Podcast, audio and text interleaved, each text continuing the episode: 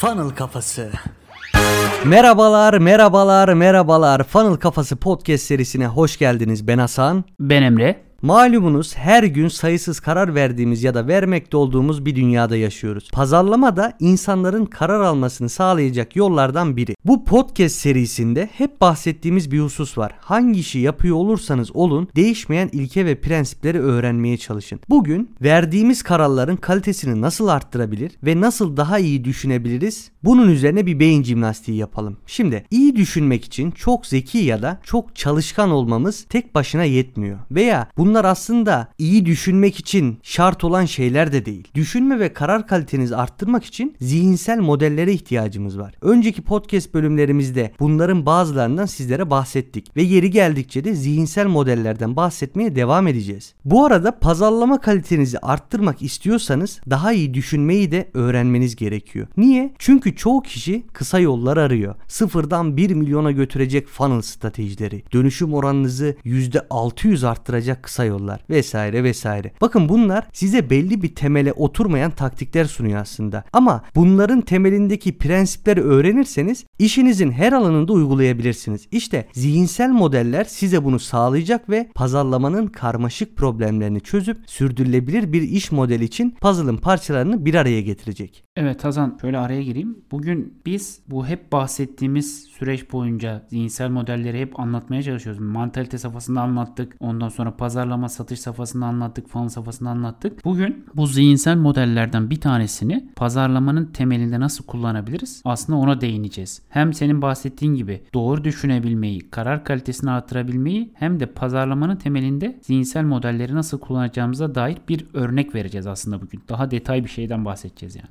Aynen öyle Emre abi. Zaten zihinsel model bize pazarlamaya bakışta yeni bir kapı açacak. Zihnimiz müşterilere ve işe farklı bir perspektiften bakmayı öğrenecek. Bakın düşünmeyi öğrenmemiz gerek. Başka bir çaremiz yok. Ancak bu şekilde insanlarla empati kurarak karmaşık pazarlama problemlerini basite indirgeyebiliriz. Şimdi bugünkü bölümde size first principle ya da temel ilkeler zihinsel modelini pazarlamaya nasıl uygulayabiliriz bunu anlatacağız. Evet Emre abi bize anlatır mısın? Nedir bu temel ilkeler zihinsel modeli? Evet Hasan, efsane bir konu. Biliyorsun ki biz zihinsel modelleri çok severiz. Çünkü niye? Yukarıda da bahsettiğin gibi hayatın her alanındaki karmaşık problemleri aslında basite indirgemenin bir yolu var. Ya da hayattaki insanların, başarılı olan insanların düşünce yapılarını temel bir şeye, yola, paterne indirgeyebiliyorsun ve bundan faydalanabiliyorsun. Bugün biz de bunlardan bir tanesini pazarlamaya nasıl uygulayabileceğimizi anlatacağız. Önce şuradan başlayalım. First principle nedir? Temelinde aslında bu karmaşık problemleri en basit parçalara ayırarak onlara yeni çözümler ürettiğimiz bir zihinsel model. Yani senin elinde çok karmaşık bir problem olsa sen bu karmaşık problemleri en basite kadar ne kadar indirgeyebiliyorsan en temelindeki sorunu en temelindeki problemi bulabiliyorsan aslında first principle'ın gereklerini yerine getirmiş oluyorsun. Mesela kendine bir konuyla alakalı şu soruyu sorarak başlayabilirsin. Bu konuyu ele almaya en temelden başlasaydım hangi konuları incelerdim? Mesela diyelim ki ben bir funnel kurmayı en temelden ele alacak olsaydım hangi konuları inceleyerek bu işe başlardım? Dolayısıyla sen yolculuğa çıkmadan önce kendine doğru sorular sorarak en temelde bu işin en temelinde nasıl yola başlaman gerektiğini öğrenmiş oluyorsun. Bu sayede de en temel problemi ortaya koyarsan çözümü bulman da daha kolay oluyor. Temel ilkeler dediğimiz işte first principle'a göre hareket etmeyen insanın yaklaşımı peki nasıl olur? Mesela zaten piyasada gördüğün çoğu kişi böyle pazarlama yapıyor. Mesela diyelim ki hiçbir şeyi sorgulamıyor. İşte bugüne kadar başka bir metod izlenmemiş ki ben neden bu metodu değiştireyim? Bugüne kadar kimse böyle bir şey denememiş ki biz deli miyiz ki bunu deneyelim? Bunlar mesela tamamen hiçbir temele dayanmayan tamamen işte insanların birazdan bahsedeceğim kendi varsayımlarına göre çıkardıkları şeyler. Ama bizim dememiz gereken bazı şeyler var. Yani yapmamız gereken temelde aslında şu iki adım. Birincisi biz problemi en temel parçalarına ayırmalıyız ve bu en temel parçaları çözmek için ya da bu en temel parçaların bize bizi götüreceği sonuçları bulmak için yola çıkmalıyız. İkincisinde de çözümü bu prensiplerin üzerine inşa etmeliyiz. Mesela bunlardan bir tanesi buna sokratik düşünme de diyorlar. Bir problemi alırsın ve ona 5 kere neden diye sorarsın mesela. Temelindeki asıl problemi bulabilmek için. Sen bir probleme 5 kere neden diye sormazsan aslında yüzeydeki problemi öğreniyorsun. Mesela işte sen daha önceden de Instagram'da falan bundan bahsetmiştin. Satışta mesela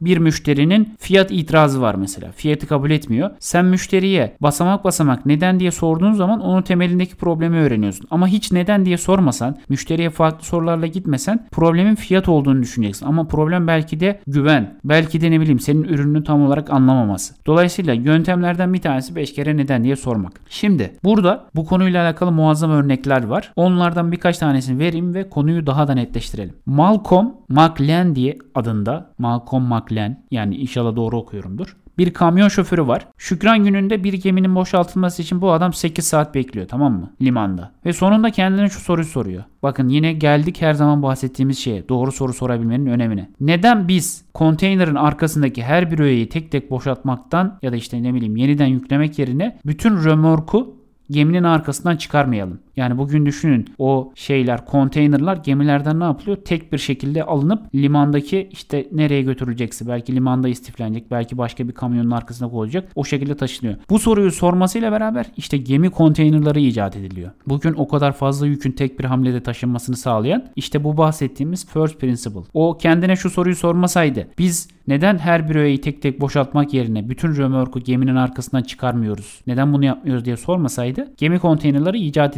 edilmeyecekti. Hatta Emre abi bu konuyla alakalı şöyle bir girdi yapayım. Bugün ben üniversiteye gittim ya proje için. Ben maden ve cevher hazırlama mühendisliği okurken staj yaptığım altın madeninde insanlar bir konu hakkında çalışıyorlar. Dedim ki e bu insanlar buna bu kadar uğraşmasınlar. Bunların yaptığı işi drone da yapar. Niye bu kadar insan yapıyor ki dedim ve bunun üzerine proje gelişti. Yani sen aslında burada ne yaptın? Ne yapmış oldun? Acaba bu insanların yaptığı işi başka bir şeyin ya da ne bileyim otomasyonun başka bir aletin yapabilmesinin yolu var mı sorusunu kendine sormuş oldun. Evet evet gemi konteynerındaki aynı mantık oldu. Aynen öyle. Yani bu prensipten mesela çok bilinen bir örnek de verelim. Bu da sosyal medyada karşısına çıkıyordur. Elon Musk da mesela roket üreteceği zaman, roketleri göndereceği zaman bakıyor işte roket maliyeti 65 milyon dolar. Ya bunu tek başına kendisinin üretmesinin, sürekli denemeler yapmasının bir imkanı yok. O zaman diyor ki bir roket üretmek için gerekli temel malzemeler, temel parçalar nedir? Ve bu parçaların üzerine biz diğer parçaları üretebilir miyiz, inşa edebilir miyiz diye soruyor. Yani ne yapıyor? First principle'ı kullanıyor. Bakın şurada da vazgeçebilirdi. Ya roket 65 milyon dolar bu işin bir yolu yok. Hayır temelindeki şeyi öğrenmek için bu roketi üretebilmek için benim ihtiyacım olan en küçük parça nedir sorusunu kendisine soruyor. Ve bunun sonucunda şu an gördüğünüz seviyeye getiriyor. Bunların hepsi yani düşünmeyi öğrenebilmek ve doğru soruları sorabilmek sayesinde oluyor. Peki o kadar hikaye anlattım ben ama first principle'dan bahsettik. İşte temel ilkeler şudur. Örneklerimizi verdik. Peki biz bunu pazarlamada nasıl kullanacağız? Onu da Hasan'ım anlatsın.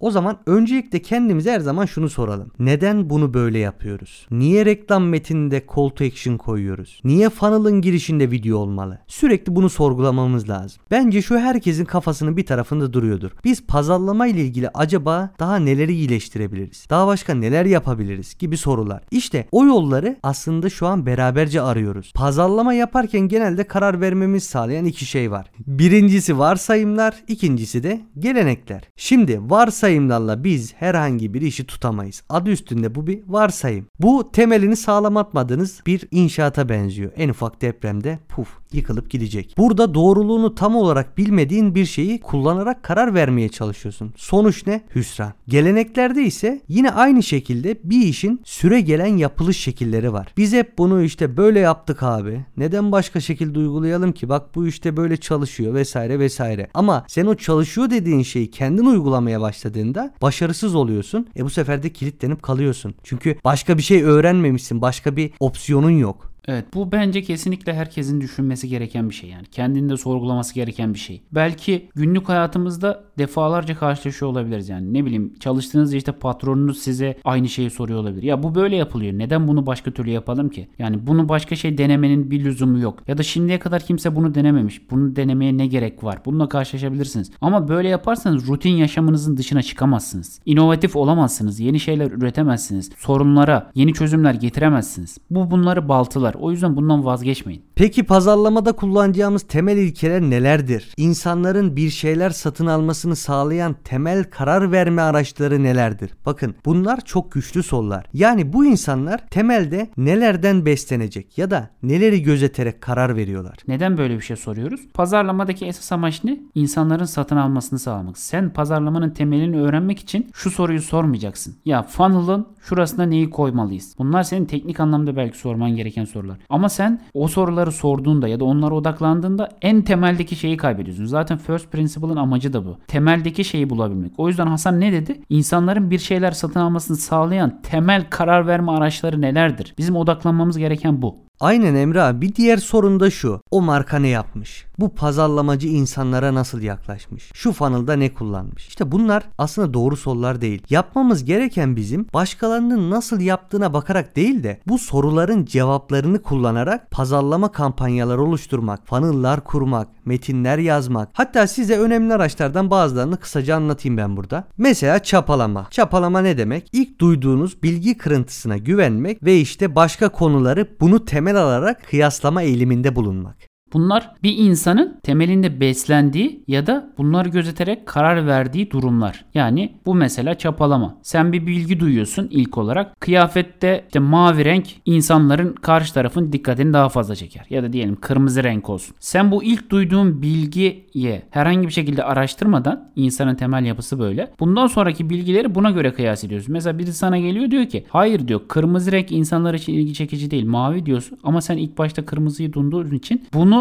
temel alıp kıyas ediyorsun. Dolayısıyla sen pazarlama yaparken bu eğilimin farkında olacaksın. İkincisi ise ne olabilir? Kayıptan kaçınma. Buna ne diyebiliriz? Kazandıklarının getirilerinden çok kaybettiklerinin acısına odaklanma eğilimi. Toner abisi ne diyor? İnsanlar diyor arzularına gitmekten çok korkularını kaçarlar. Dolayısıyla sen insanların kayıptan kaçınma eğilimlerini bileceksin ve gerekiyorsa pazarlama yaparken onların ne kaybedeceğini göstereceksin. Sonraki tutarlılık ve adanmışlık diyebiliriz. Düşünce, inanış, eylem ve sözlerde tutarlı olma eğilimi.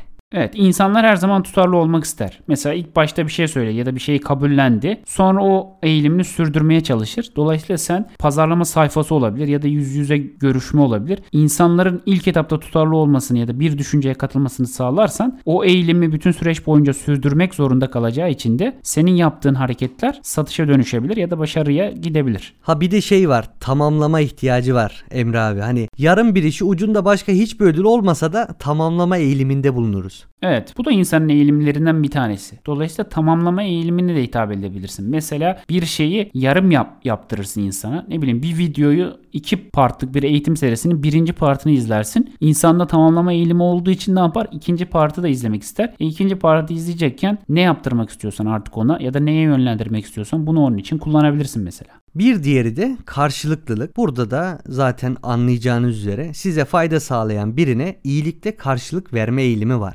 Evet bunu da nerede biz yapıyoruz zaten? Değer merdivenini kurarken bunu yapıyoruz. İnsanlara birinci basamakta sen değer merdiveninin birinci basamağında bir ürün ya da hizmeti sunarsan denemesi için bir fayda sağlarsan o da fayda görürse ne yapar? Bunun karşılığını vermek ister. Yani değer merdiveninde bir üst basamağa çıkmaya çalışır. Dolayısıyla senin de ücretli eğitimlerine ya da işte ne bileyim workshoplarına yönelebilir. Tabi tabi hatta biz o basamakta buna karşılıklılığın yanında ödül de diyebiliriz Emre abi. Çünkü bu da benzer amaca hizmet ediyor. O da nedir? Bir eylem ya da başarı karşılığında bir beklenti içine girme eğiliminde bulunuyor insanlar ödül kavramıyla. Yani ödülü de mesela ne için kullanabilirsin? Örnek veriyorum bir semineri sonuna kadar izletmek için. Bir başarı var, bir eylem var. Yani 45 dakika 50 dakika seninle beraber izliyor mesela. E, ödülü insanın ödüle gitme eğilim var. Sen de diyorsun ki bu seminerin sonunda size bir ödül vereceğim bu semineri bitirenlere ya da bir hediye vereceğim diyorsun. Dolayısıyla o da bu beklenti içerisinde zaten olduğu için semineri bitirme konusunda daha motivasyonlu oluyor. Sen şimdi seminerin sonunda deyince aklıma seminerlerin sonunda satılan ürünler geldi. E burada da bir diğer yapılan şey ne? Kıtlık oluşturmak. Yani zaman, sayı ya da ayrıcalık gibi özelliklerden dolayı bir şeye yönelme ve onu isteme eğilimi yaratmak. Aynen. Mesela tek bir sanat eseri. İnsanlar ne yapıyor? Bir tanesinin onda olması için. Hatta biz çocukluğumuzda da yani. Tasonun mesela bir tane özel bir tasonun sende olması için çocukluktan beri bu eğilim eğilimi gösteriyorsun aslında. Ona sahip olmak istiyorsun. Sanat eserine sahip olmak istiyorsun. Ne bileyim eşyaya sahip olmak istiyorsun. Kıtlık da insanın önemli eğilimlerinden bir tanesi. Şimdi böyle konu açılınca daha bir sürü şey aklımıza geliyor Emre abi. Bizim funnel kuruyoruz canlı yayınlarında da her funnel'ımızda kullanmaya özenle dikkat ettiğimiz şey ne? Social proof. Yani sosyal kanıt. Bu ne işte? Doğru bir davranış sergilemek için başkalarının eylemlerini rehber olarak kabul etme eğiliminden faydalanmak istiyoruz. Başkalarının yorumlarını hiç tanımasa bile onları baz alma eğilimi var. Mesela işte ne hepsi burada trend yolda gidiyorsun çoğu kez yorumu okuyorsun ve ürünü gidip alıyorsun. Dolayısıyla sosyal kanıtta pazarlamanın temelindeki ilkeler. Bakın zaten bu bahsettiğimiz ilkelerin hepsi insanın temel eğilimlerini baz alıyor. Şu an size hiç taktik falan anlatmıyoruz yani. Tabi tabi bak şimdi yine aklıma geldi. Mesela tetikleyiciler. Önceki durum ve şartlara göre bir şeye tepki verme eğilimi. Bunları çoğu zaman kullanıyoruz zaten. Mesela tetikleyiciler bir reklamın görseli tetikleyici olabilir mesela. O insanın reklamı izlemesi için. Ne bileyim bir YouTube videosunun kapağı tetikleyici olabilir. Yani dolayısıyla insanları harekete geçirmek için önceki durum ve şartları da yine pazarlamanın temelinde kullanabilirsin. İnsan tetikleyicilerle hareket eden ve harekete geçen bir varlık. Mesela şunu da diyebiliriz Emre abi. Beğenmek. Hani o beğenme duygusu var ya. Sevdiğimiz insanlara daha fazla güveniriz. Ve onları otorite görme eğilimi içerisine gireriz. O yüzden biz o beğenilen karakterleri kullanmak isteriz. Uyguladığımız pazarlama stratejilerinde. Siz de görüyorsunuz zaten. Aynen aynen. Influencer marketingin temelindeki şey aslında bu. İnsanlar beğendikleri insanları güvenme ve onları otorite görme eğilimi oluyor. Dolayısıyla ne yapıyorlar? Onların size sun, sana sunduğu ürün ve hizmeti diyorsun ki ha bu sunuyorsa o zaman bu iyidir. Dolayısıyla otorite gördüğün için de o ürün hizmetten faydalanmak istiyorsun. Yani influencer marketing temelindeki eğilim bu yani. Ha şimdi sen Emre abi otorite deyince otoriteyi o kanattan çıkarıp başka bir anlam olarak da biz kullanıyoruz. Nasıl kullanıyoruz? Hani otorite ne demek? Uzmanlığın gücünü gördüğümüz insanlara güvenme ve takip etme eğilimindeyiz biz zaten. Doğru. Bu da başka bir eğilimimiz. Dolayısıyla ne yapabilirsin? Yine çok temel. Eğer sen kendini ya da işte ne bileyim danışmanlık verdiğin birini bir alanda otorite olmasını sağlayabilirsen e, bunun da bir sürü metodolojileri var. İlerleyen podcastlerde bahsederiz. İçerik ürettirirsin mesela. Sağlayabilirsen insanlar onu güvenme ve takip etme konusunda eğilimli olur. Çünkü otorite her zaman insanın temel şeyi takip edilir yani insan tarafından. Bir de şöyle bir durum var mesela hani pişmanlık azaltma mı diyebiliriz buna. Aynen pişmanlık azaltma diyelim. Çoğunlukla bu eğilimle karşılaşırız aslında. Nasıl anlatayım? Mesela hani daha fazla kazanç sağlayabilecek durumda ama daha az riskli olan seçeneklere böyle yönelme eğiliminde. Burada da işte sen mesela müşteriye iki tane seçenek sunacaksındır tamam mı? Daha fazla kazanç sana sağlayabileceği bir seçenek de sunarsın ama daha az riskli bir seçenek de sunarsın. Bu seçenekleri koyarken de aslında bilirsin insanların genel itibariyle daha az riskli olanı seçeceğini, yöneleceğini. Çünkü bu da dediğimiz gibi insanın temelindeki eğilimlerden bir tanesi. Dolayısıyla sen bunu bilirsen riski nasıl minimize edeceğini ve insanların nasıl az riskli seçenekler, teklifler sunacağının farkında varırsın ve onları harekete geçirmen daha kolay olur. Evet Emre abi yani bizim aklımıza geldikçe şu an söylüyoruz bunları ama bu bitecek gibi bir şey değil. O yüzden bunlara sonraki podcastlerde devam edelim. Şimdi tüm bu anlattıklarımızdan sonra kendi pazarlama metotlarınızı sorgulama zamanınız geldi. Her bir problemi en temel parçalarına ayırmaya çalışın. Sürekli neden diye sorarak yeterince derine inin. Problemin asıl sebebini bulmaya odaklanın. Kesinlikle varsayımdan, gelenekten, kulaktan dolma bilgiden ve tahminle hareket etmekten kaçının. Tüm pazarlama aksiyonlarını sorgulayın. Sökün ve yeniden birleştirin. Tıpkı bir Lego'nun en küçük parçalarından yeni bir yapı inşa etmek gibi size sunduğumuz bu temel eğilimleri birleştirerek yeni yapılar kurun ve en optimum sonuca ulaşmaya çalışın. O zaman burada podcast'imizi sonlandıralım. Eğer bana ulaşmak istiyorsanız Instagram Hasan Bolukbas yazıp Twitter'dan da yine keza aynı şekilde Hasan Bolukbas yazıp bana ulaşabilirsiniz, takip edebilirsiniz, sorularınızı sorabilirsiniz. Bana da Instagram eddoğaner ve Twitter'dan da yine aynı şekilde eddoğaner adresinden ulaşabilirsiniz. Peki Emre abi